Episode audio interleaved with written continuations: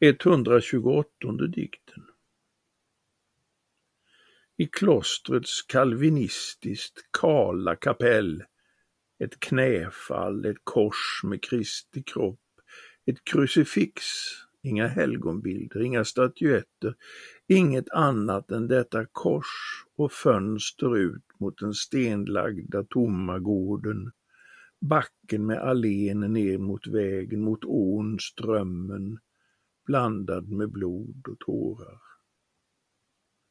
Inte visste jag att det enda som kan resas över denna stad av sand och aska är kors.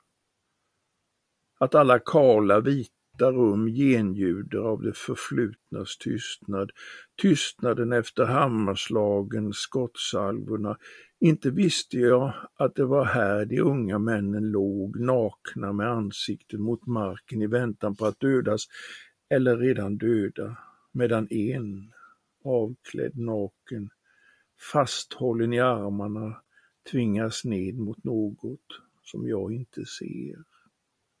Som bilden inte visar. Där tigandet tar vid utanför bilden, där slutet skedde som att med slaktmaskt slakta kreatur, slakthuset Vilnius, där de många kyrkornas klockor ringde, konsekrationsklockorna i mässan, trefalt klingade när materien transubstantierades till kött och blod och din död firades till dess att du kommer tillbaka stiger ner från alla korsen, alla krucifixen i Vilnius, återkommer för att skilja sanden från askan och ge döda liv.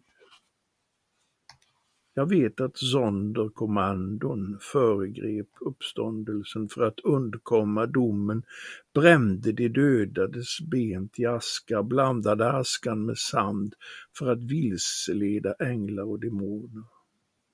Allt detta vet jag. Jag vet att vägen slutar här, att den inte är en flyktväg. Jag vet att den är tillflyktslös, enbart leder till askan i sanden.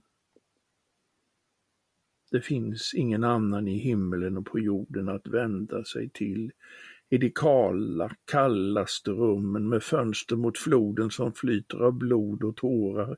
Ingen att ropa till att öppna ögonen, stiga ner, stiga upp för att återkomma under tubors och basuners klang som de i sanden, askan, ska höra först av alla.